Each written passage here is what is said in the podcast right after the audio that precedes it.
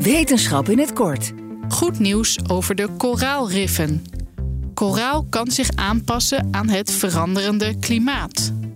Dat ontdekten wetenschappers van de Newcastle University.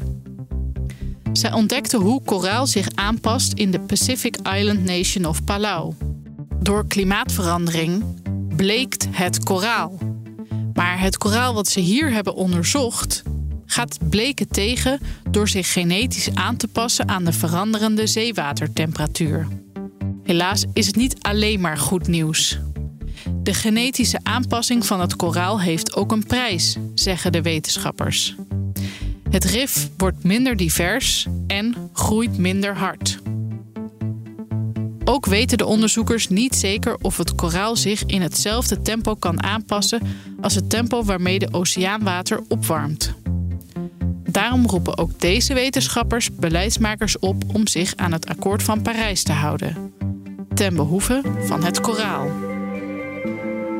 En dan nog eventjes een podcast-tip, want BNR heeft weer een nieuwe wetenschapspodcast. Hoogleraar psychologie Iris Sommer neemt je vanaf 24 augustus mee op een baan door het brein. Zoek hem op in je podcast-app en laat je meevoeren door het roze, pulserende en meest intrigerende onderdeel van jouw lichaam.